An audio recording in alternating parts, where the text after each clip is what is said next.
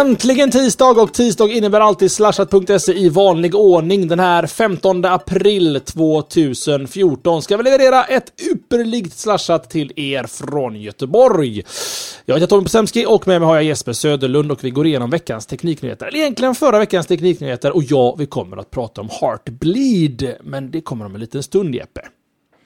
Ja, den eh, breakade ju lite, mm. lite innan sändningen. Eller var, vi kanske, var det till och med mitt i kanske? Nej, det klocka, på klockan morgon, svensk tid, på tisdagen. Klockan morgon, var det så? Okej. Okay. Ja, ja, men vi kände inte att vi hade tillräckligt med kött på benen för att uh, gå in ordentligt på den. Så att jag förutsätter, alltså jag hoppas ju nu att du är, eh, nu använder jag sånt där gammalt mm. nytt uttryck, fett påläst på det där.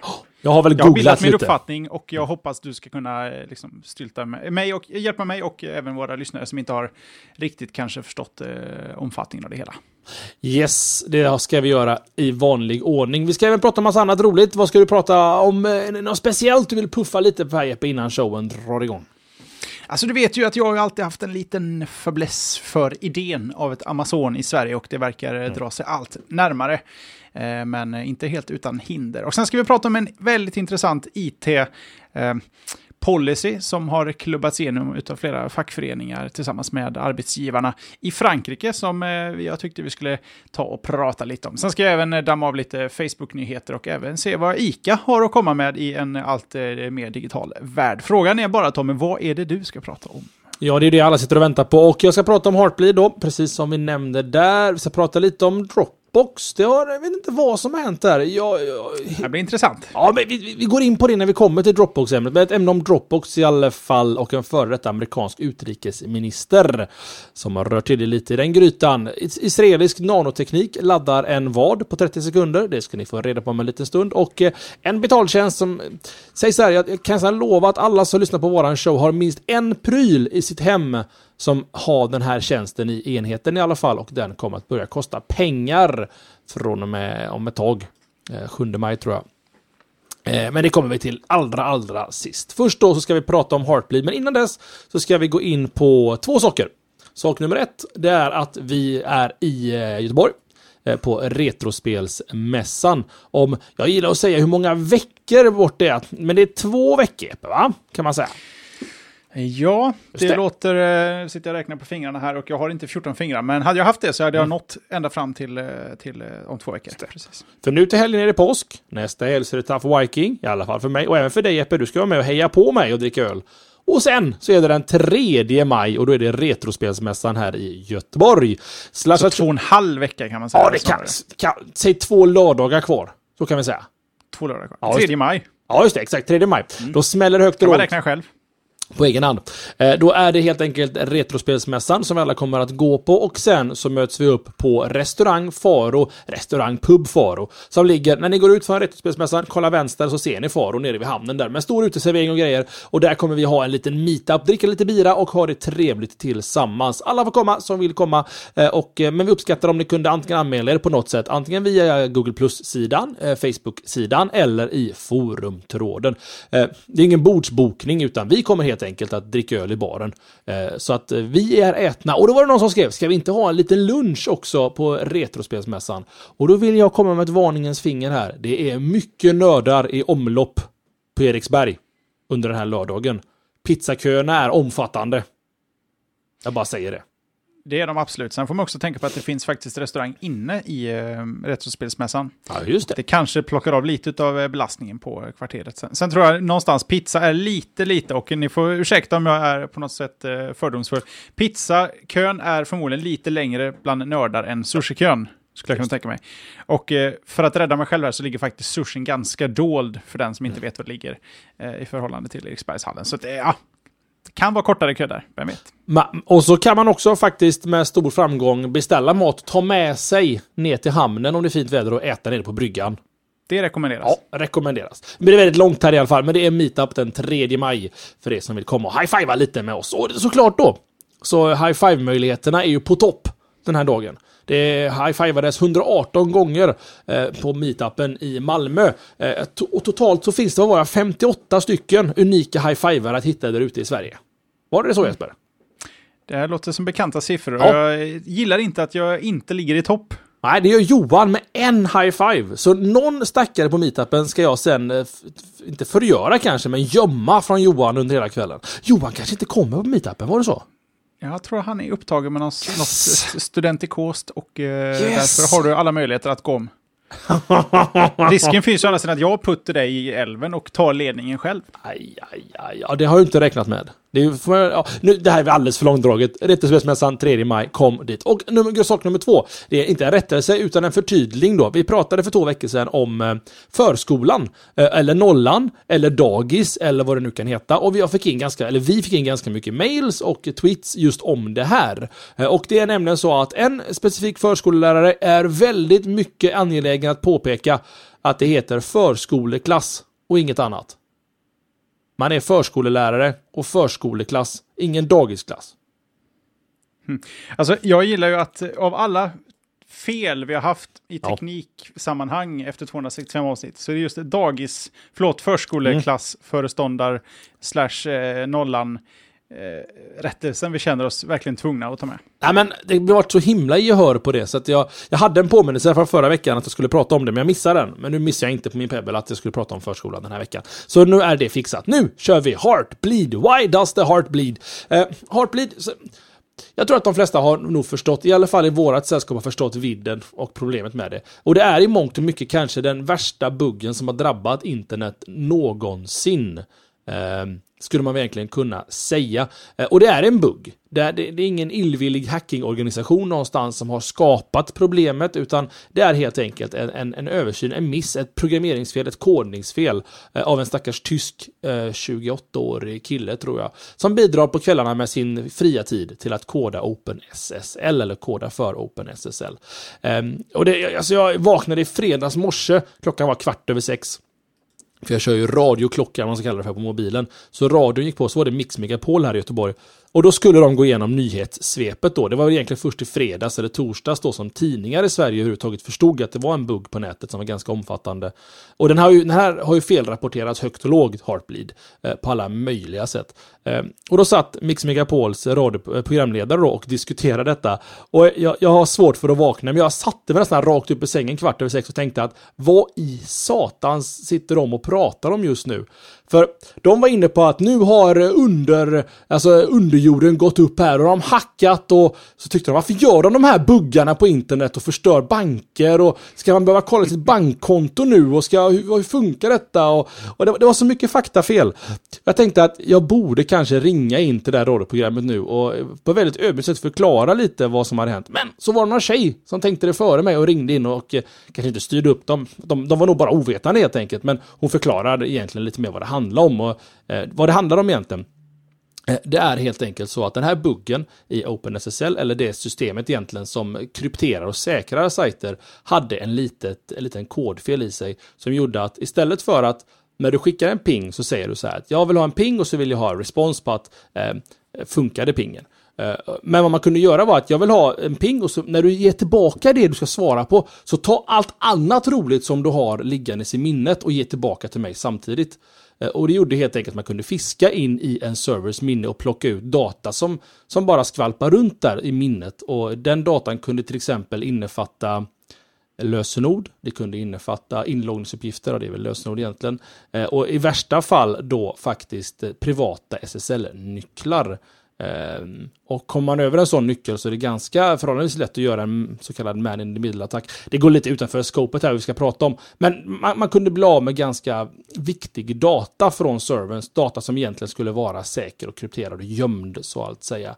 Ehm, och, och, risken då, eller vi kan börja med att säga som så här att felet upptäcktes av en säkerhetskunnig människa på Google och två killar på Codenomicon tror jag de kallas för. Det där borde jag skrivit upp för att ge cred för sakens skull. Eh, men när buggen uppdagades då så ehm, och det är egentligen först när OpenSSL gick ut och sa att vi har en seriös bugg patchat till den här versionen som alla fick reda på att buggen fanns. Eh, och nu ska jag släppa in Jesper här med en pedagogisk fråga så han får låta lite också. Eh, vad, vad, har du bytt några lösenord Jesper efter Heartbleed?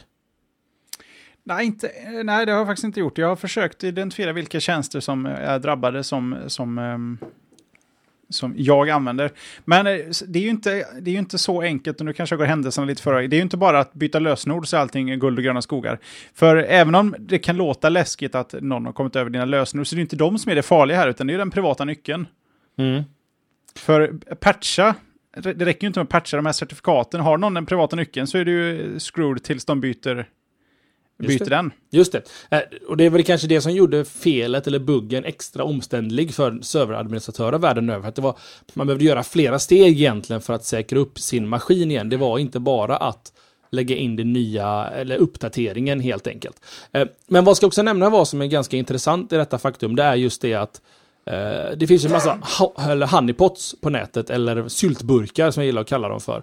Det är alltså Google och andra säkerhetsorganisationer sätter upp servrar som de vill ska bli hackade, men de säger ingenting. Eh, det här är ett sätt att eh, till exempel kartlägga botnets för att veta att ja, den här maskinen attackeras av den här IP-adressen och du även den här maskinen så mycket senare. Då kan vi uppskatta att så här många maskiner har blivit drabbade och så vidare. Och ingen av de här botnetsen har um, några signaler att de skulle ha blivit, eh, blivit, att någon har försökt använda Heartbleed mot dem så att säga innan datumet då OpenSSL gick ut och sa att Heartbleed finns. Sekunderna efter OpenSSL gick ut så handlar det om hundratusentals attacker i minuten egentligen mot de här maskinerna. Att alla, och nu pratar vi faktiskt om, om internets undersida här, alltså de riktigt äckliga människorna på nätet, att de så fort den här buggen blev känd började utnyttja den. Så jag skulle verkligen vilja säga som så här att har du loggat in på tjänster innan förra tisdagen så är du safe. Men loggar du in på tjänster som kör SSL mellan tisdag och tills den dagen då den tjänsten patchar sin server så borde du byta lösenord på den tjänsten. För då finns det en chans att ditt lösenord användaren har legat i minnet på servern och sen har någon fiskat ut den efter tisdagen. Eh, för att efter tisdagen så försiggick det väldigt, väldigt mycket fiskande då efter de här användarna och lösenorden.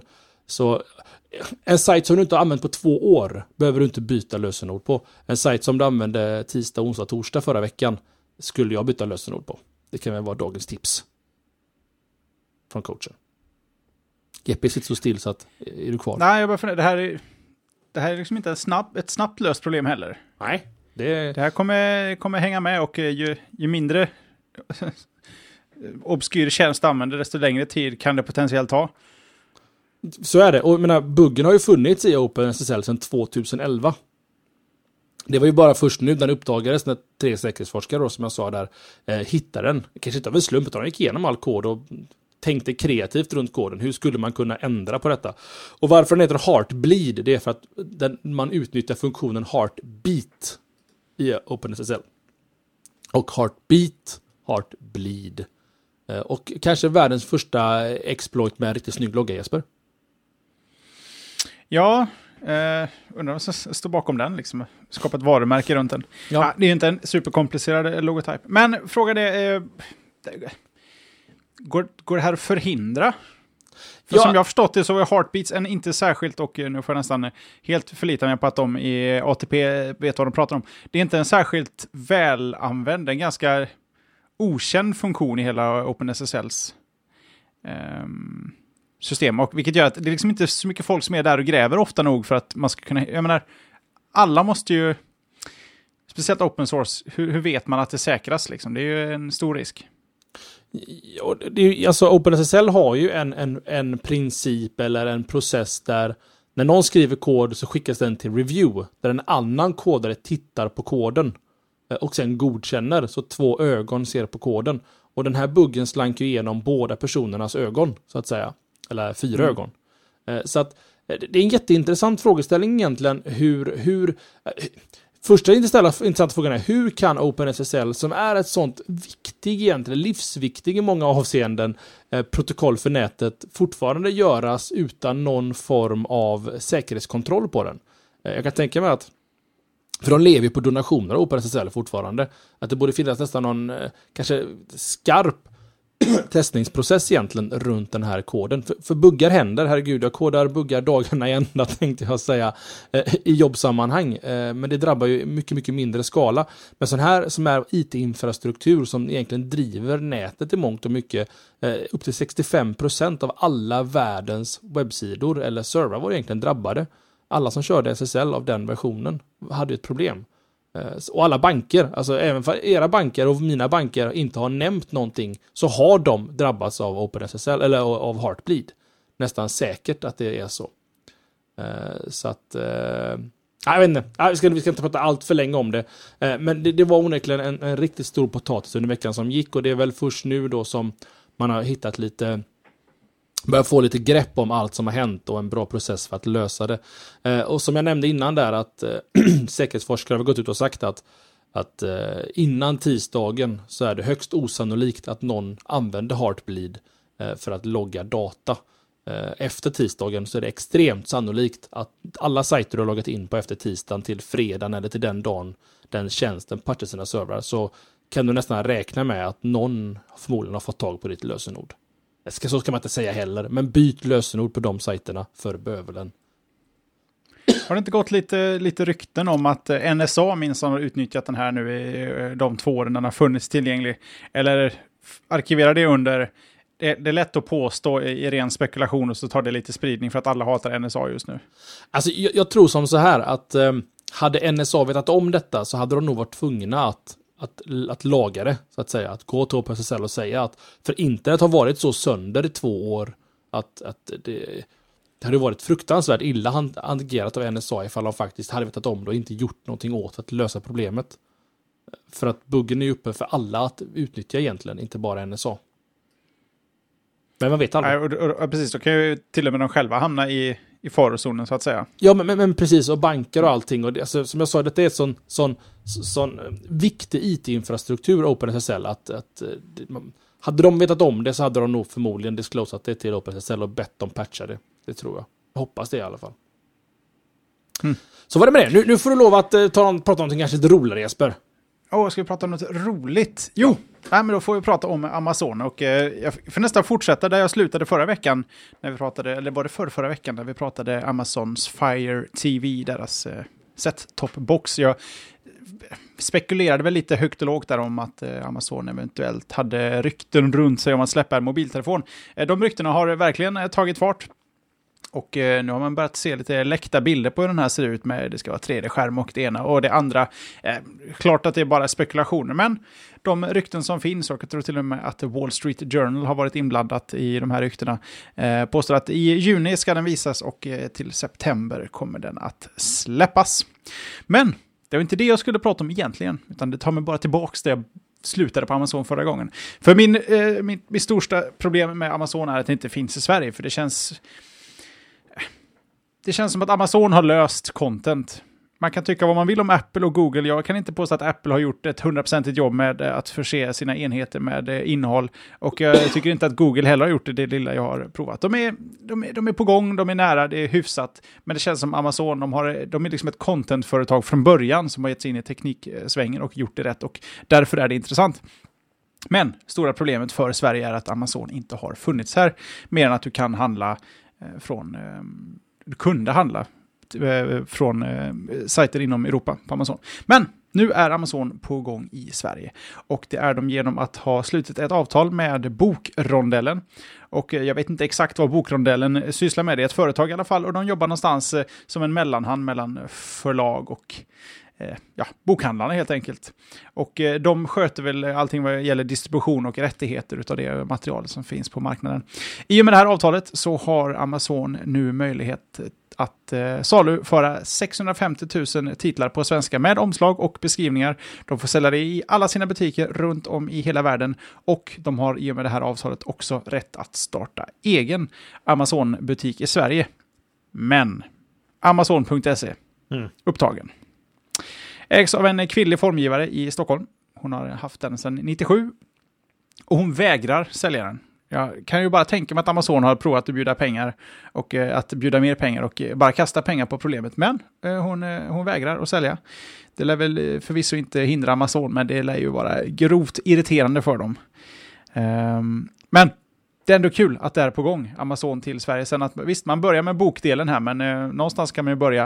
Eh, får vi bara böckerna på plats så är vi snabbt inne med eh, Kindle och eh, helt plötsligt så är vi eh, i, i, i en, en ny intressant värld där jag känner att man skulle kunna testa sig.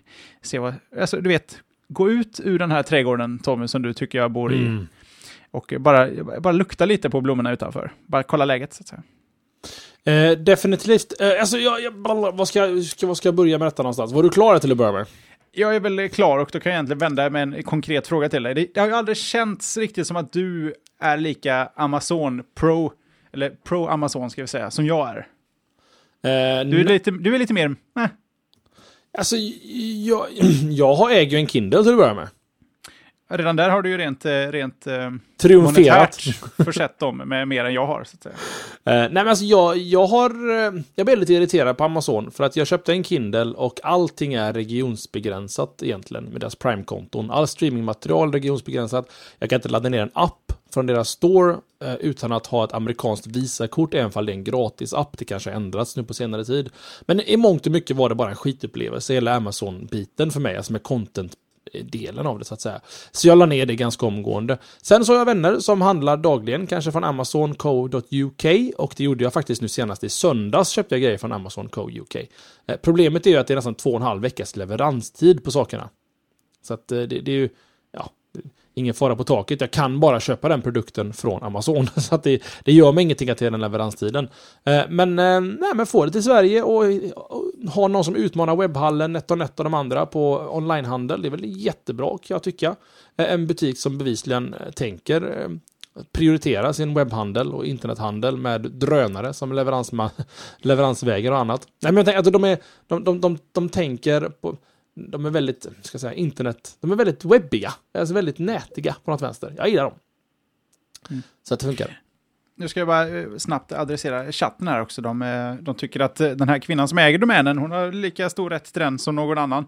Och det säger jag absolut inte emot. Jag tycker bara att man, eh, ja, jag kan inte svara för exakt hur de där för- förhandlingarna har gått till, men det känns som att om Amazon kommer och är väldigt angelägna så eh, finns det en, förmodligen en hacka att, eh, att tjäna. En ganska god hacka eh, som man åtminstone bör överväga, kan jag tycka. Jag tror att de skiter blankt i menar.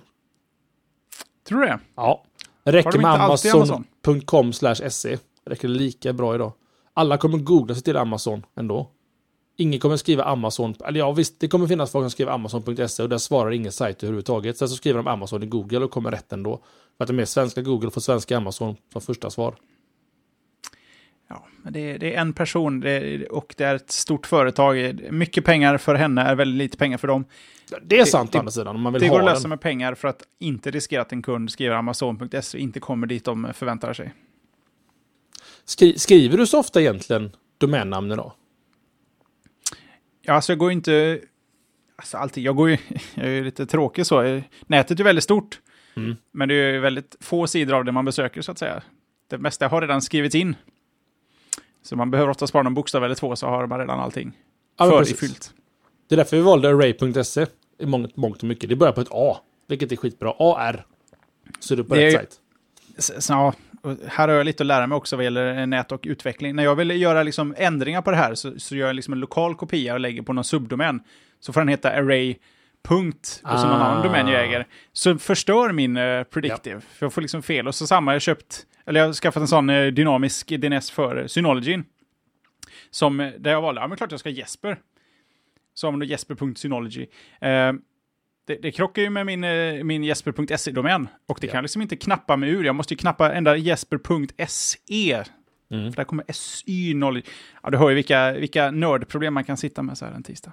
Jag jobbar med en produkt som heter Jobmatch. Och vi har Jobmatch Booking, Jobmatch Center, Jobmatch Talent, Jobmatch Group, Jobmatch Sweden. Alla de här namnen är domäner då.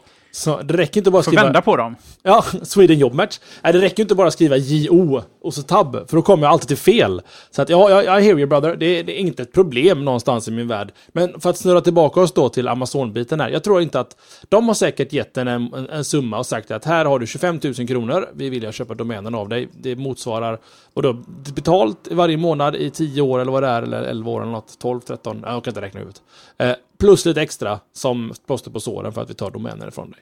Eh, men, eh, och hon vill inte sälja. Och det kan jag väl förstå också. Och jag tror inte att i, i, om det blir en, en, en, en .se eller .se-fråga av det så kan nog aldrig Amazon avkräva henne domänen. Eh, för jag menar, hon har ju trots allt Amazon AB, heter hennes företag. Hon köpte domänen ett år innan Amazon ens var känt, om man säger så. Eh, Det här är ju ingen domännappare, utan detta är ju en tjej som helt enkelt gjorde rätt för sig och köpte sin domän för sitt företagsnamn. Så att eh, hon kan nog få bollen Absolut. för alltid. Jag var lite snabbt in och bara kolla vad hon omsätter. Alltså det, hon har möjligheter här att tjäna sig en, en hacka bättre än det hon omsätter, så att säga.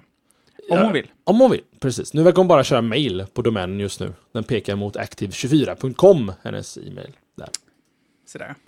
Så var det med det. Jo, då är det min tur igen. Veckans forumtråd tar vi efter detta. Nu ska vi prata om... Nej, jag tar veckans forumtråd nu, för Dropbox är så stort ämne som vi lär prata en stund om. Eh, Så jag slänger om lite istället Jesper. Nu blir det rörigt här. Men vi pratar Ja, om... det är helt okej. I'm going with the flow. Eh, Du pratar om att du har lite olika eh, tjänster som ger dig domännamn, till exempel jesper.någonting.com och sånt där. Eh, Dyn DNS är ju en sån här tjänst som har, de flesta har nog stött på på ett eller annat sätt. Jag pratade om det i promon här i början och det har att göra med att de flesta routrar idag har Dyn DNS inbyggt. Att man kan helt enkelt mappa eh, ett, ett, ett domännamn mot sin eh, dynamiska IP-adress som du får från till exempel Bredbandsbolaget eller Telia eller motsvarande. Eh, Dyn DNS var ute tidigt och eh, mine.nu har jag för mig var en sån här domän Eh, de ägde. Så tommy.mine.nu hade jag eh, mappat då till mitt hemmanät hemma. Eh, och på senare år som jag var inne på då så har många routrar byggt in den här tjänsten. Då, att du bara skriver in ditt användarnamn och lösenord eh, för Dyn DNS så kommer din router automatiskt uppdatera Dyn DNS med rätt domännamn för IP-adress. För när din router byter IP-adress ut på nätet så att säga eh, så kommer den automatiskt då att uppdatera Dyn DNS. Sen, nu är det så att Jeremy Hitchcock, VD för Dyn, DIN, berättade i en bloggpost att företaget nu har beslutat att börja ta betalt för tjänsten Eh, av flera olika anledningar. Jeremy påstår bland annat att användarna utnyttjar tjänsten på felaktigt sätt eh, samt att företaget nu vill fokusera på att göra en så bra betalversion som möjligt. Vilket är en intressant eh, fundering från deras sida. Men i alla fall, eh, användare av tjänsten har fram till 7 maj på sig att skaffa ett nytt Dyn VIP-konto genom att beställa tjänsten Remote Access för 25 dollar per år. Eh, Jag har haft en Dyn DNS i, eller äh, domänadress. Jesper har också haft en. Men frågeställningen är då till Jesper, hur löser du det idag Jesper? Ja, nu måste jag rätta dig, för nu har du helt fel. Jag har faktiskt aldrig ägt en Dyn DNS, eh, ett Dyn DNS-konto. Jag Ho, valde ho. dess stora konkurrent, No-IP, som också har funnits nästan lika länge. Och de fanns också en gratisversion förut och sen blev den minsann en eh, kostsam eh, variant. Och eh, det ser ut som Dyn DNS har gått eh, precis samma rutt som dessa. Men jag har löst det enkelt och jag får än en gång peka på min alldeles utmärkta NAS. För en, eh, Synology erbjuder ju en egen tjänst av det här slaget. Och eh, då kostar det gratis. Så har man en NAS som står där hemma så ska man absolut undersöka möjligheterna. Har man en Synology så finns det ju. Eh, finns det, det kanske finns även till andra tillverkare. kan ju vara värt en. Eh, värt något. Och jag har löst det på eh, precis samma sätt. Men jag är lite mer hardcore än dig Jesper. Så jag har ett CNAME i mina DNS-inställningar på min egna domän som mappar via CNAME till den Synology-adressen. Just det. Hängde du inte alls med där? Men jag... Nej, jag försöker... men, men eh, det min, låter bra. Min NAS sköter den biffen. Jag kommer ihåg på den tiden man hade igång en, en, en riktig plåtserver ståendes hemma bara för att sköta DNS-uppdateringarna. Det var hardcore. Och så hade man en liten FTP på den servern. Eh, mångt och mycket har ju det ersatts idag då av NASar som Jeppe säger. Man behöver inte ha de, den NASar som jag och Jeppe har som kanske är mer företagsorienterade. Det finns ju NASar för 1500 spänn. Man kan köpa Internet Space, heter den tror jag, som har dyn DNS till exempel. Eller No IP som också funkar. Nu påstår faktiskt Fiorin här att eh, NoIP minsann har en eh, gratisvariant. Då kan ju det vara ett eh, lämpligt alternativ. Den eh, tog de faktiskt bort. Jag, för jag vet att jag köpte det en gång i tiden. Men eh, här ser det minsann ut att... ehm, men då kan man inte koppla en domän. Nej, nackdelen är ju precis som Fiorin skriver Just att du måste gå in och uppdatera själv för 30 dagar hela tiden. Du får ett mail som säger att om fem dagar så stänger vi av din no-IP i adress och så får du gå in och klicka på en knapp och då får du tillbaka den. Just det. Det där känner jag igen, ja. Så jag tror inte, det var ju inte en kostnadsfråga där för min del, utan det var bara att jag var så trött och irriterad på de där um, mailen som kom var 30 dag då. Ska du fortfarande ha kvar adressen? Ja, det ska jag. Jag har ju skapat den hos er. Eh, helt enkelt. Ehm, jag är säker på att du har haft en mine.nu. Uh, Jesper eller airbase.mine.nu. Alltså hade Dyn DNS Mine. Det Mm. låter i och för sig lite bekant. Det kan, men oh, det här måste ju vara i alla fall eh, 12 år sedan eller någonting. För jag, I övrigt har det varit no IP så långt tillbaka så jag kan minnas. Ja, nej, det, det här är länge sedan. Det här är, det här är inte igår. Det här, här är när vi körde Colin McRae mot varandra i samma lägenhet.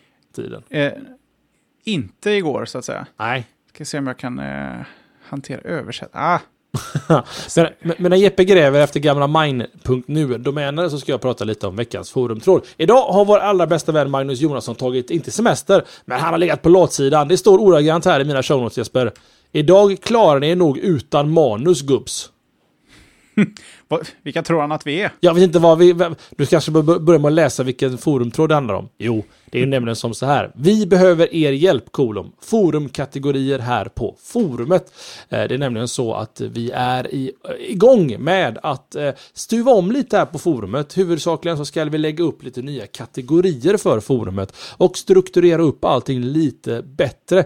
Så det är användaren Je- Jesper, med Jesper, Jesper, eh, Je- Jesper. Jesper heter han nog. Eh, Close här- enough. Ja, close enough. Eh, någon kille som har varit medlem faktiskt sen eh, tionde, eller 2010 har en kille varit medlem Jesper. Det är ju jättelänge. Jag Rikt- håller ett starkt grepp om andra platsen av eh, antal forum-posts. Oj, jag oj, minnas. oj. Jajamän. Det är ju såklart Jesper jag pratar om. Och han, du kanske du kan prata vidare här Jesper. Det kan jag göra. Ja. För som en del i, i Array och Slash att vi är ju snart, eller egentligen är vi egentligen eh, ett och samma sak och vårt forum.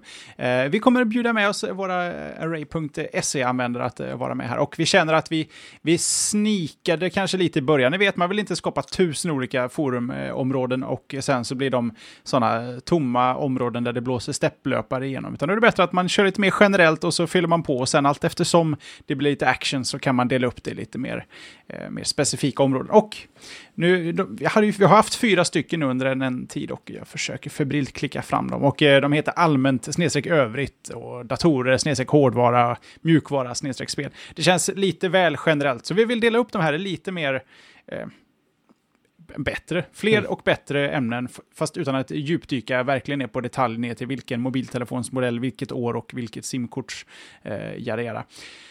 Och vi vill ha er input, för det känns ju som att eh, vi vill ha våra eh, forumbesökare och våra lyssnare med oss att, eh, när vi väljer rätt. Så vi slipper stå och fundera i efterhand, hur bidde det så här? För det, det är väldigt tråkigt.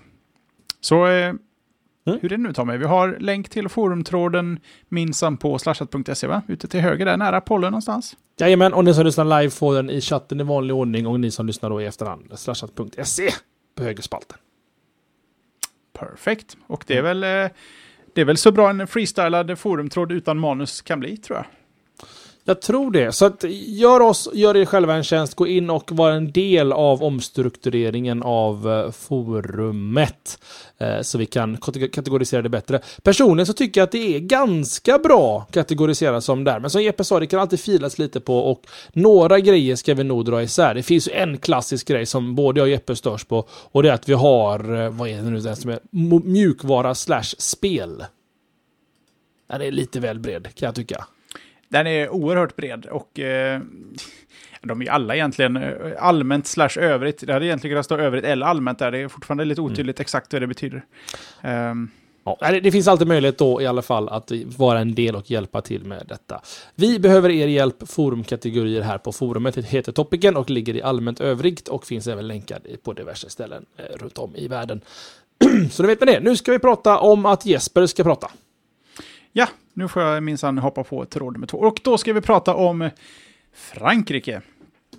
För det är så att eh, ja, de har hållit på i flera månader egentligen. Det handlar om fackföreningar och det handlar om arbetsgivare. Och det är så att eh, arbetstagare i, eller egentligen fackföreningar i Frankrike är väldigt måna om att arbetstagare i Frankrike ska eh, få in Frankrike en gång till. Ja, Frankrike.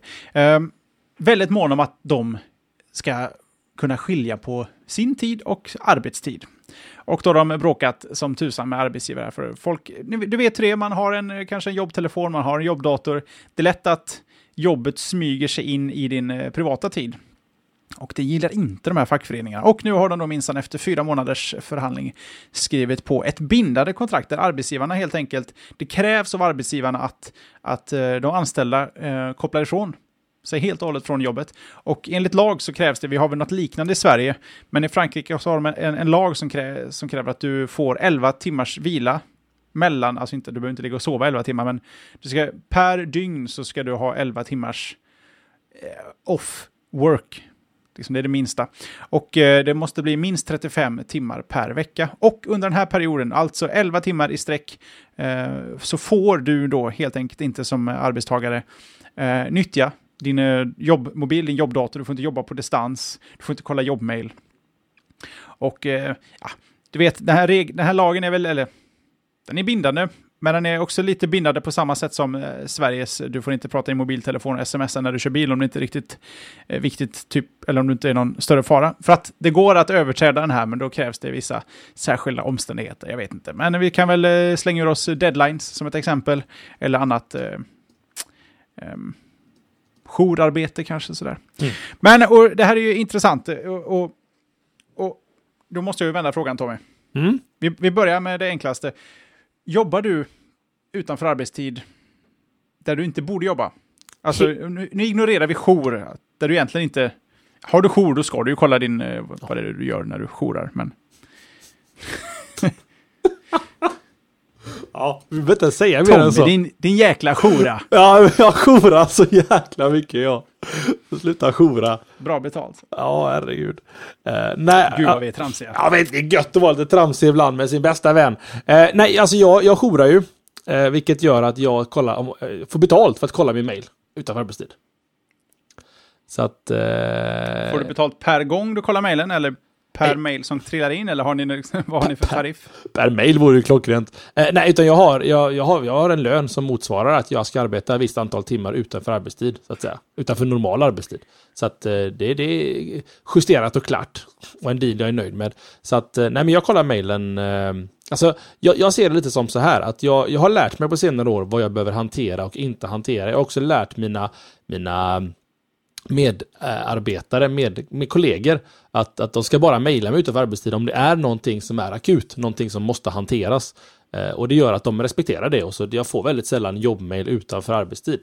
Eh, och de jobben utanför arbetstiden är oftast saker jag måste hantera då så att säga. Så att, eh, nej, men, så att jag, jag, jag jourar helt enkelt. Och ja, jag läser då mejlen utanför arbetstid. Men jag skulle aldrig få för mig att åh, nu är det tisdag kväll, då är jag upptagen i och för sig. Åh, nu är det onsdag kväll. Jag lägger mig och går igenom arbetsmejlen och kollar ifall jag ska... Du vet, så har jag nog aldrig gjort och kommer aldrig att göra för att jag försöker se på arbetstid som arbetstid och privatliv som privatliv. Um, eller att jag slänger Men du förväntas ändå kolla jobbmejlen? Ja, uh, men säg att jobbmejlen hanteras mer som en, en... Istället för att jag får ett sms med att servern är nere så får jag ett mejl om att servern är nere. Så att jag, jag, jag kollar jobbmailen då ja. Men jag, jag, jag frontar inga kunder heller. Jag får väldigt sällan mails av kunder och sånt där. Utan det är bara internmail jag får egentligen kan man säga. Eh, så, så är min situation. Men jag ska aldrig få för mig att lägga mig på en onsdag och, och slöläsa jobbmailen för att komma ikapp inför imorgon som du gör. Men det är så jag får... Jag, men jag, jag förstår nog inte skillnaden. Du kollar inte mailen för jobben, men du kollar ändå mailen för jobben för att det ah, ingår i ditt jobb. Kan ha att göra med push? Jag pushar ju allting till min telefon. Så när telefonen plingar så kollar jag vad, vad det var för mail. Okej, okay. och jag har inte push. Ja, men nu kan vi nog ja, eh, hitta ett... Då hittar vi varandra. Jag önskar det fanns ett ställe, att, eller ett sätt att... Jag, jag hämtar ju allting manuellt. Eller om jag har någon synk, jag kommer inte ihåg. Nej, jag hämtar manuellt gör jag faktiskt. Uh, att den exkluderar ett konto baserat på tid. För när jag, liksom, jag har liksom fem mm. mailkonton, när jag drar eh, liksom pull to refresh så får jag ner alla mail, inklusive jobbmail och privata mail.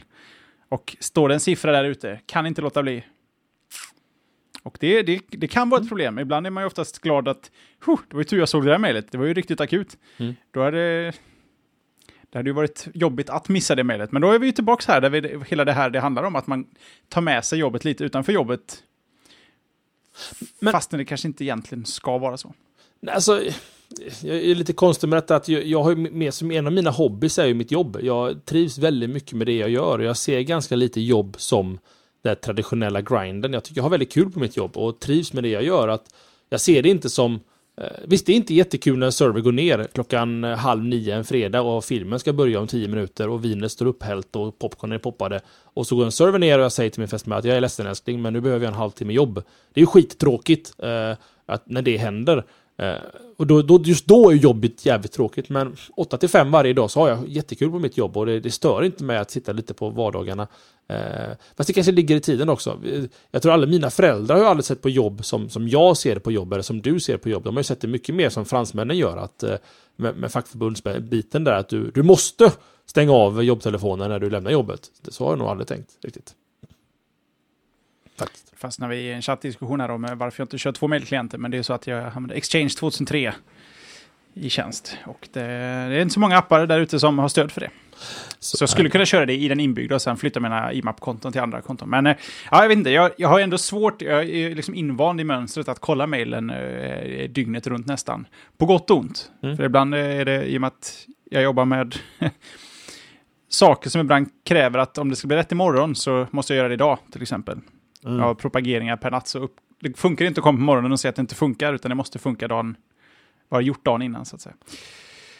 Mm. Eh, men, Så- men, jag får nästan, skulle också vilja ha en eh, pollfråga på någon gång, men jag ska har vi försöka haft. komma ihåg den. Det har vi haft. Har jag haft det? Ja. Kollar du din Då- jobbmail på eh, arbets- privattid? Eller vad du skrev?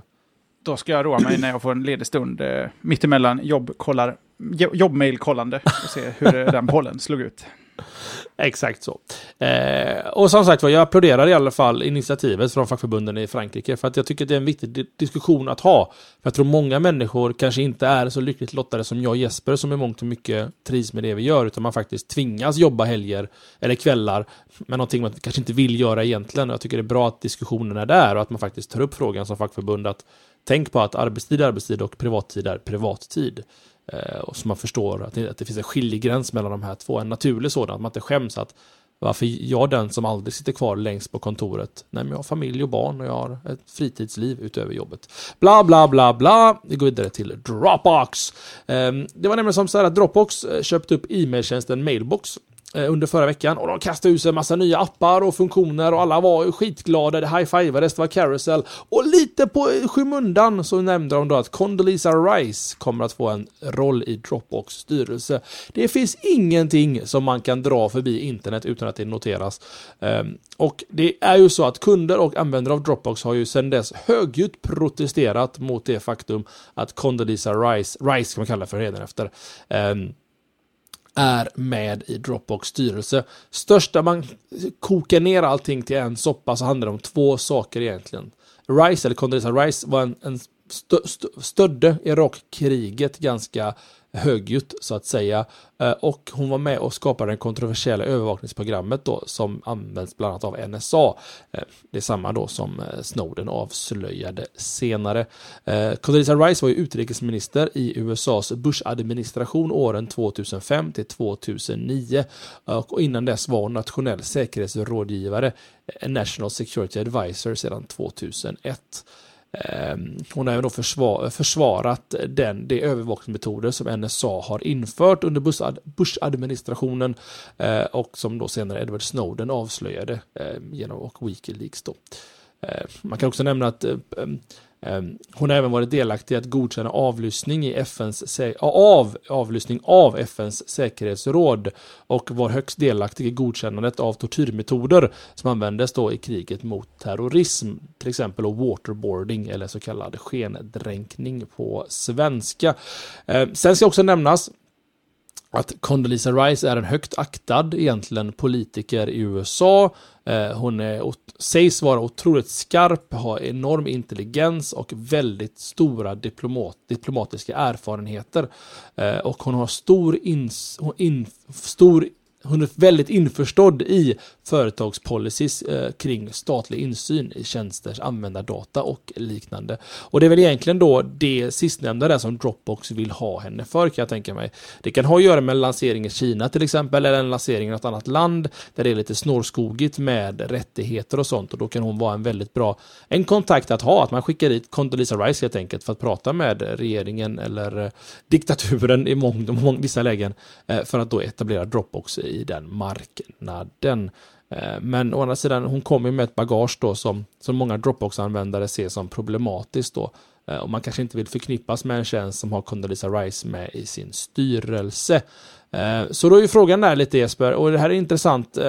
Jag har hört rykten på en chattkanal nära mig att du letar efter Dropbox-alternativ.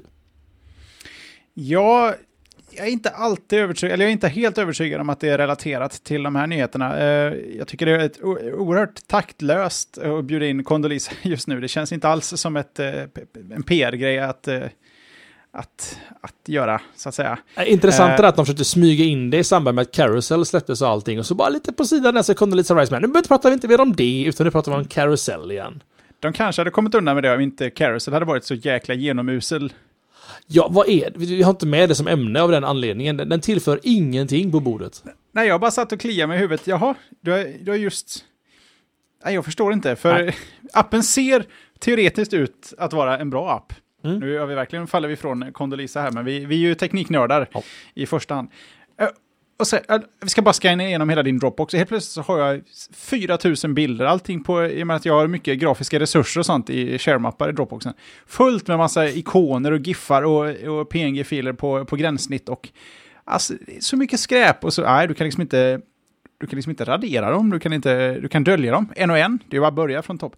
Ja, värdelös app, jag förstår inte alls varför den kändes, att det kändes som att de var tvungna att lansera den just nu. Skitkonstigt. Mm. Och att den ska liksom automatiskt backuppa alla dina bilder. Ja. finns ju andra inte... tjänster som gör detta minst lika bra kan jag tycka, utan att nämna några namn eller favorisera någon. Så finns det ju ändå... Äh, gärna, nämn gärna namn och favorisera. Äh, Flickr är väl ett bra exempel. Som en, en, en terabyte gratis. Ja. Mm, det är klart bättre än eh, Dropbox 10 dollar för 100 gig för en tjänst som inte alls egentligen är särskilt lämpad för, för stora lag. Det är inte en backup-tjänst. Liksom. Nej, verkligen inte. Och sen också så äh, Google Plus Photos introducerar ju RAW-stöd här i dagarna. Att du kan lägga upp RAW-filer. Ja, så att jag menar, äh, ja, det, det, det, finns ju många bra alternativ. Bättre kanske än Dropbox. Äh, så att, jag vet inte. Och det tar oss tillbaka då ja. till min, min fråga, eller ryktet om att jag letar ny tjänst. Alltså jag tycker fortfarande prismodellen på Dropbox är fel. Oh. Och i och med att jag har en Synology NAS med Cloud Station-funktionalitet som står på dygnet runt och jag har bra uppkoppling hemma så skulle jag teoretiskt kunna göra min egna Dropbox-lösning. Och de, de, flesta, jag kan även köra andra, Copy eller Boxnet eller eh, till och med OwnCloud som du pratade om i förra veckan. Eh, och få i princip all den funktionalitet som, som Dropbox har idag. Liksom, det, det, mesta jag använder egentligen, man delar, delar en länk rätt, rätt ur liksom, från kontextmenyn och så klistrar man in någonstans och så får man iväg det. Fine. Problemet är alla appar som har Dropbox-stöd idag. Den här appsmappen som ligger direkt i Dropbox. Jag har ja. så extremt många tjänster som använder just Dropboxens eh, lagringsutrymme för att synka. Um, allting från hejfaktura.se till, um, till um, uh, One Password eh, Genius Scan, um, Day One och eh, Transmit. Transmit. Transmit är alldeles utmärkt. Och de, de, erbjuder inte alla de här, vissa av dem erbjuder andra, men det är ingen som erbjuder, de andra erbjuder inte gemensamt en alternativ tjänst eh, Fast till det, Dropbox. Och det är synd. Det ena utesluter, utesluter inte det andra här egentligen. Du kan fortfarande använda Dropbox för de appstjänsterna. För det kostar ju gratis för dig. Jo, men jag kommer också från Apple-världen här. Ja, jag, allt under samma jag vill tak. Ta mitt, vill ta min, eh, min, mitt pick och pack och flytta någonstans, rubbet så att säga. Flytta, och jag provade, Ja, jag provade det här copy och drog över. Det finns ju en tjänst som heter mover.io om man vill flytta allting. Den bara suger upp utifrån ena tjänsten över till andra. Eh, och sen får det ett eh, pling när den är klar. Fungerar alldeles utmärkt. Och copy ser ju riktigt trevlig ut. På alla sätt och vis. Men eh, utan de här appstöden så... Ja, nej, jag får nog, jag får nog fundera lite till. Jag hade ju aldrig någonsin använt mover.io. Nej, men du är ju också lite konstig. Annorlunda. Nej, men alltså Bäst. Ja. Ja, det, alltså, ja. Mm. Okej, ja, men vi är, alla, vi är alla olika. Men privata nycklar och annan skit som ligger i Dropbox, nej. Men jag, jag är annorlunda. Eh, det kan vi komma överens om att jag är. Eh, men tillbaka då till Condoleezza Rice-grejen här. Jag tycker det är... Eh, säg så här, jag tror, tror att den... Jag vet inte om Dropbox känner att de börjar tappa fotfäste eller om det bara är jag och Jeppe som känner att Dropbox tappar fotfäste. Jag pratade om detta redan för två veckor sedan, helt orelaterat till vad Dropbox skulle göra efter jag pratade om det. Men just att Ja, Dropbox har lite mycket makt i, i, min digitala värld. Jag vill nog inte lägga all den makten i Dropbox knä. Och, och, man märker att de tjänster som de introducerar nu handlar bara om att suga in dig så att du inte kan flytta därifrån. Appsbiten där som Jeppe pratade om, det är en jättebra sätt att tvinga dig att betala för Dropbox eller att fortsätta använda Dropbox för annars så synkar inte längre Transmit dina grejer eller Hej Faktura eh, eller vad det nu var. Ehm, och sen också lite det att eh, vi pratade om det, jag tror förra veckan eller veckan innan där lite med eh, Eh, att drop, vem, vem äger datan egentligen och vem har tillgång till din data utanför Dropbox? Och Dropbox skriver ju eh, eh, point blank egentligen att om de får krav på sig, rättsliga krav, så kan de ta fram filer ur din Dropbox och ge till myndigheter och så vidare. Nu har inte jag något problem med det om någon vill se mina privata SSL-nycklar. Men, eller ja, någon inne på regeringsnivå i alla fall. Men jag vet inte.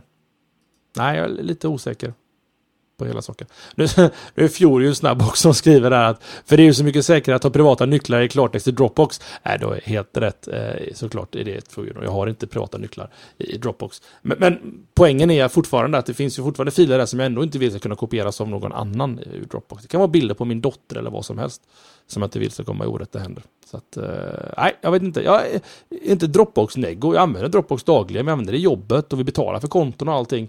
Det är bara att jag är lite behemoth-varning på dem. Så var det. Hmm. Då kan man ju aldrig vinna, för man vill inte ha en liten tjänst, för då finns det alltid risken att de försvinner, och så vill du inte ha en stor tjänst. Men du är ju en Google-kille. Du är den största behemothen av allihop. Ja, så är det definitivt. Jag skulle, jag skulle nog använda Drive mer ehm, mer om det vore så att det finns ett, ett native-stöd för Ubuntu i Drive. Nu gör det ju inte det och då kan jag inte synka filer till jobbet helt enkelt. Mm. Eh, bäst att köra eget säger anonym lyssnare och det gör jag ju mycket mångt och mycket nu med Own Cloud här då. Så att eh, även det i slutändan backup till Dropbox ändå, men så är det. Jag har testat Cloud Station för Synology och jag hade kunnat klara mig på den egentligen om det inte vore för att den inte har några som helst funktioner. Jag kan inte ens dela en, en bild. Jag kan dela saker i den från ah. interfacet i Synology. Jag ville ha liksom kontextmenyn, högerklick, skicka. Ja, jag har det. Jag har det. Den är minimal funktionalitet och det duger inte. Oj, vad vi har dragit över till. Ja, vi gör detta. Ska du dra ett ämne till och så drar jag ett ämne till, sen lägger vi på. Uh, ja. ja. Jag tänkte jag skulle hoppa på att ICA börjar testa scanning. Vi pratade nog om det här, mm. jag vet inte om du och jag pratade om det på skoj, off-air eller on after show. Var det on-air? Jajamän. Då kan jag ju skippa den. känner jag. Nej, nej, nej. Vi, vi, nej, vi, vi pratade om att uh, vad grymt det vore om man kunde göra det. Vi, nej, det här var, här var off-air. Det här var bilen på vägen till Malmö. För jag har haft under många år en idé om att Just bygga en, en shoppingliste-app. Problemet för mig är bara att man har inte tillräckligt med händer. Att du har ju scannern i en hand och du har vagnen i andra handen och plockhanden så att säga med andra handen. Och då finns det inte utrymme att ha en mobil i handen. Men Jesper, vad, vad kommer nu från nu kom, Ja, just det. Ja, just det. Ja. Nu, nu försöker jag också hänga med. Det var ju i bilen vi pratade om det. För det kändes bekant och jag blev så, fick sista, sista sekunden ångest om jag redan hade pratat om det här. Jag börjar bli gammal och senil nu. Uh, jo, ICA, de har börjat med uh, scanning, självscanning med mobilen. Just nu så är det två butiker. Det är ICA Max i Solna och uh, någon ICA-butik i Kista. Och eh, för er som inte känner till självskanning, jag förutsätter inte att det finns överallt i hela landet. Man kanske har hört talas om det, men har väl sett det kanske. Eh, men du tar en liten dosa i entrén och sen så sappar du dina produkter och lägger det i en påse och så ställer du den här sapparen i en vägg och så drar du ditt kort, betalar och så går du därifrån. I och med att ICA har släppt en eh, hyfsat kompetent app för, för att skapa inköpslistor och för recepthantering. Det egentligen ICA samlat alla sina tjänster i en och samma app så har även den här funktionen nu då hittat in i den, i alla fall på prov. Det här är väl en testrunda då för att se hur intresset är att kunna scanna produkter direkt med mobilen. Och de eh, väntar sig att eh, det här ska rullas ut till fler butiker under året. Och eh, det finns ju många butiker ute på mindre orter som inte har självskanning och det finns en anledning. Självskanning är ganska dyrt att implementera. Eh, jag har, om inte jag minns helt fel, jag har syskon som har jobbat i den här, den här sortens verksamhet. Jag tror en sån där skann ligger på 8000 så att det kostar en del att bara, bara köpa de här sapparna som åker i backen hela tiden. Och hela systemet och det är wifi i hela lokalen. Det kostar på. Det här kan vara en billigare, eh, eller det, det kan, det är en billigare variant av att eh, om, om man inte känner att man har ekonomin att installera just självskanning så skulle man kunna erbjuda mobilscanning. Att kunna betala direkt i mobilen, ja, det kan man ju hoppas att det skulle komma, men det är ingenting de håller på att testa just nu. Det får bli ett eh, steg eh, lite längre fram. Nu ska man se om det här är av intresse för konsumenterna. Och eh, Tommy, här skilde vi oss lite åt i vår bildiskussion. Kan du sälja in, du, du, ja, du har egentligen sålt in den, att du en hand för att sappa och en hand för, jag vet inte, produktjaga. Ja, nej, men precis. Att du har, du har inköpslistan i mobiltelefonen i höger hand. Och så har du vänster hand fri och så går du och hämtar eh, din eh, Pepsi Max-burk. Nu vänder jag på det för jag är högerhänt. Så här har jag sappen och eh, inköpslistan. Ja, och här är Pepsi-burken. Så pip! Då så hoppar den bort från shoppinglistan för att du har ju tagit den. Då stoppar du igen den i, eh, i din lilla vagn och så går du vidare. Allting... Jag gillar hur du, jag gillar ja. hur du i video nu illustrerar ja. hur det går till. Ja. Eh, nu ska du, eh, och gärna för det här är mm. bra videoinnehåll, mm. kan du illustrera hur du köper um, lösgodis? Då eh, lägger jag mobiltelefonen i bröstfickan Jesper. Klick, ja, säger den då. Och så stoppar vi ner den där. Och så mm. plockar jag, har jag båda händerna fria va? Och så plockar jag lösgodis ja, som en chef. Så, yep. Sen tar jag upp den igen, tillbaka i höger hand, har godispåsen i vänster hand, lägger på vågen, tar ut den och så pip nere i vagnen. Ja, just det. Ska du slå på telefonen och så ska den in i appen och så ska du hitta den. Fast det är Ett ju... fasligt plockande upp och ner. Nej. För det är mitt stora problem. Jag har inköpslistan i mobilen och då har jag en hand per definition ledig. För zapparen sitter alltid i vagnen, men jag springer ändå och stoppar ner den i tid och otid. För det är inte bara godis, det är liksom frukt, sallad. Alltså, så fort du ska göra någonting med två händer så måste du plocka undan mobilen och det är alltid så vansinnigt irriterande att behöva tända skärmen. Och det här vet jag är ett ilandsproblem av rang. Åh oh, nej, skärmen slocknar hela tiden. My God. Um, man skulle ju kunna med nej, Tasker, inte, skulle man kunna göra att är du connectad mot wifi på lokala ICA så stänger den inte av skärmen. Så länge du är connectad mot wifi. If ICA släck, äh, skärmen behöver vara tänd. Jag tänkte kameran ja. kan alltid vara aktiv. Ja, det skulle du kunna göra också. Du skulle till och med kunna starta ICA handlappen när du kommer in på ICAs wifi, eller ser ICAs wifi-nät i närheten. Ja, men det är Tasker. vägarna förbi Solna eller Kista får vi helt enkelt testa. Jag antar att eh, just den Maxin i Mölndal där jag bor eh, bör få det där som en av de tidigare, för det är ändå en av de största i, i landet. Så jag hoppas kunna prova. Mm. Då ska jag minsann berätta för dig hur man handlar godis. Ja. Like a boss. like a boss. Då ska vi se, då ska jag prata snabbt, lätt och ledigt om mitt sista ämne och det är att ett israeliskt företag som är Tel Aviv Tel Aviv-baserade eh, Store. Dot, eh, som är relativt nystartat har... Eh, det, det var helt fel. Jag, bör, jag börjar från början helt enkelt med ämnet. Jag kan inte hålla på och freestyla. Det funkar ju inte alls när jag har bråttom. Eh, ett israeliskt nanoteknikföretag har laddat en smartphone på under 30 sekunder. Det är Tel Aviv-baserade StoreDot som är ett rätt nytt nystartat företag som har grundats på Tel Avivs universitet. De sysslar med nanoteknik eh, och implementation på diverse tekniska användningsområden då runt omkring nanoteknik.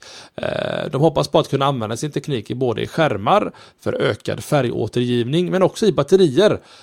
För och vad de har då egentligen, de har en Samsung Galaxy S4 med ett specialbyggt nanobatteri bak i prutten på den Samsung Galaxy S4. Eh, och då visar de då helt enkelt via ett YouTube-klipp när den här laddas, den här telefonen. Och det är ju 30 sekunder tar det, från eh, 10% batteritid till 100% batteritid. Eh, med den här nanotekniken då. De Just nu så är den för stor, alltså batteriet är för stor praktiskt då för att ha i moderna prylar. Jag tror batteriet motsvarar väl ungefär då min Pepsi Max-burk jag har bredvid mig här. Den sitter bakom telefonen. Det är, det är inte bekvämt. Du kan inte ens ha den i fickan just nu. Men lagom till 2016 hoppas de då på att ha konsumentsanpassade produkter redo för lansering.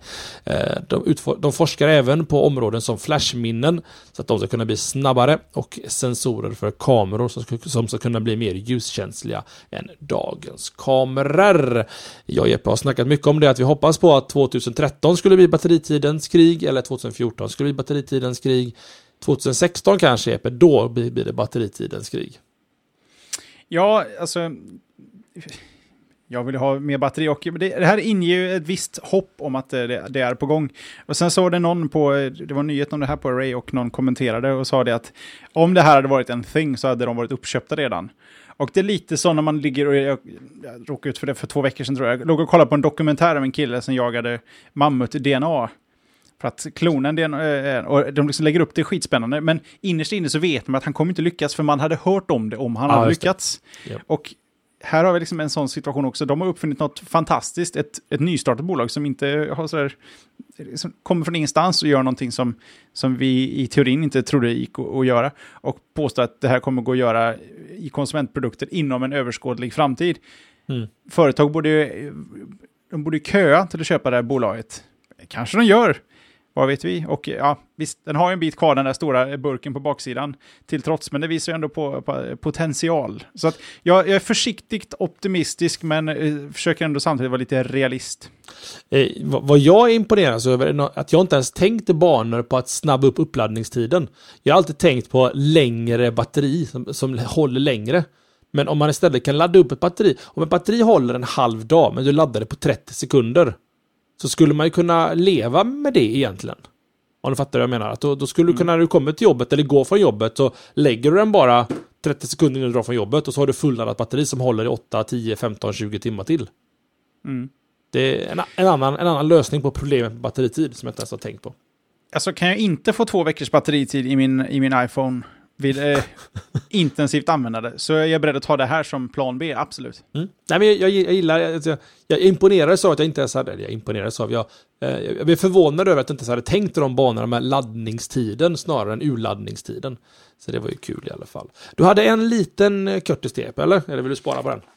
Jag får nästan spara på den, för att Ja. det, det är ett ganska stort ämne som eh, egentligen går på premissen vad håller Facebook på med egentligen? Och det är, det är svårt att svara på sådär i en... Eh, eh, liksom i slutet av en mening och i slutet av en show känner jag. Men och den är lika aktuell nästa vecka. Så att ni vill hålla på den. Ja, men. Kan eventuellt vara än, än mer aktuell nästa vecka. Jag kan hitta på nya galenskaper till nästa vecka. Yes, sir. Då ska vi se här. Förra veckans poll ska vi prata om. Vi har ju en poll på slashat.se som ni alltid är välkomna att vara med och rösta i. Eh, Förra veckans fråga var, följer du slashat varje vecka? Frågetecken. Och då vill vi egentligen veta hur många reguljära lyssnare vi har och hur många duttande lyssnare vi har. Är det så att du är en dutter, att du lyssnar någon vecka här och någon vecka där? Eller är det så att du faktiskt lyssnar varje vecka? Eh, och eh, den här veckan så var det 250, 60 pers någonting som röstade. Där 249 av dem, 94% svarade absolut. De följer slashat varje vecka medan 6%, 16 röster, svarar absolut inte att de inte följer slashat varje vecka. Eh, Det här är ju siffror som jag aldrig trodde vi skulle ha Jesper. Jag trodde det skulle definitivt vara så att eh, 50-50 nästan. Du trodde det? Jag vill ju tro, och jag kan ju inte svara för, eh, för alla våra lyssnare, men jag vet ju själv hur jag konsumerar podcast. Det är väldigt få som jag... Jag duttar ingenting alls. Antingen så lyssnar man på en eller så lägger man ner den. Okej, ja, men du, du har en liten poäng där. Jag har ju mina tre podcasts varje vecka som jag följer. Inte slaviskt, men jag har liksom roterat in dem i mitt liv. Så de, jag har tid på vägen till och på vägen hem från jobbet. Måndagar, onsdagar och torsdagar att lyssna på de här tre podcastarna. Om du åker på, på en veckas semester med din, eh, din eh, flicka och din flicka och Mm. inte har någon som helst uppkoppling och kommer tillbaka hem, lyssnar du kapp? Nej. Du Äh, bara hoppar över? ja, om, rakt det, av. om det inte är så att det är någon podd som är så här exceptionellt intressant, att de pratar om Heartbleed till exempel, då kommer jag lyssna i Kollar du kappen. show notesen kanske till och med? Ja, det gör jag. Pratade de om något intressant förra veckan? Ja, nej men då så. Inte, inte ämnesbaserat, men rubrikbaserat om man säger så. Att jag tittar på rubriken på avsnittet. Uh, handlar det om Heartbleed, till exempel Security Now, så kommer jag ta, ta mig tid att lyssna på den. eh, för att jag vill lära mig mer om Heartbleed, så att säga. Ustreamer 459076 i chatten uppmärksammade oss på att hur många duttare hittade till pollen och det var vi ju medvetna om även när vi funderade på att köra pollen en vecka till men kände att så vansinnigt mycket stor, eller så vansinnigt stor skillnad kommer det nog inte göra i utslaget. Någon, någon eller några röster hit eller dit. Vi kände att det, det var viktigare att få något nytt fräscht att rösta på till, till nästa vecka. Vilket är? Betalar du för någon molnlagringstjänst? Och där har vi tre alternativ. Absolut. Absolut inte. Och vad är då det tredje? Mm. Man tycker att ja och nej-alternativen borde vara... Nej, använder ingen molntjänst. Det är det sista alternativet. Så eh, ut och rösta, eller in och rösta på slashat.se. Ut till höger. mm. i sidebaren. Just det. Och så kan vi väl ännu en gång då uppmärksamma er på att den tredje... Äh, det, alltså jag, jag, känner som så här, har du vid det här laget inte uppfattat det att vi har en meetup den 3 maj här i Göteborg, så eh, får du inte komma. Det är hårda bud, men ja. eh, rätt ska vara rätt. Det, det är ju allt vi har köttat om nu snart en och en halv månad. Eh, att vi kommer att ha eh, en meetup då på Retrospelsmässan. Eh, I vanlig ordning så hittar ni oss i diverse sociala sammanhang. Slashat.se är ju en bra sajt att börja på. Sen så finns även facebook.com slashat. Du har google.com snedstreck plus slashat. Du har twitter.com snedstreck slashat. Eh, och det är väl de tre stora sociala nätverken som vi eh, egentligen eh, mirrors, speglar all information som ni behöver veta. Det kan väl vara så att Twitter är nästan föredraget för snabb information. Medans både Facebook och Google Plus är mera här i veckans avsnitt och, och sådana bitar. Skulle jag väl kunna tycka. Eh, det var bra så Epe va? Känner mig rätt så nöjd för en eh, 265 är det va? Just så, så då syns vi en lagom 19.30 tisdagen den... Ja, varför kan man inte bara få fram en kalender snabbt, det där satans operativsystemet? Den 22 april. Ja, just det. Ja. Efter påsk. Ja, så eh, glad påsk på er allihop. Ja, just det. Glad påsk och vi hörs igen nästa vecka. Ha det gott! Ha det bra! Hej!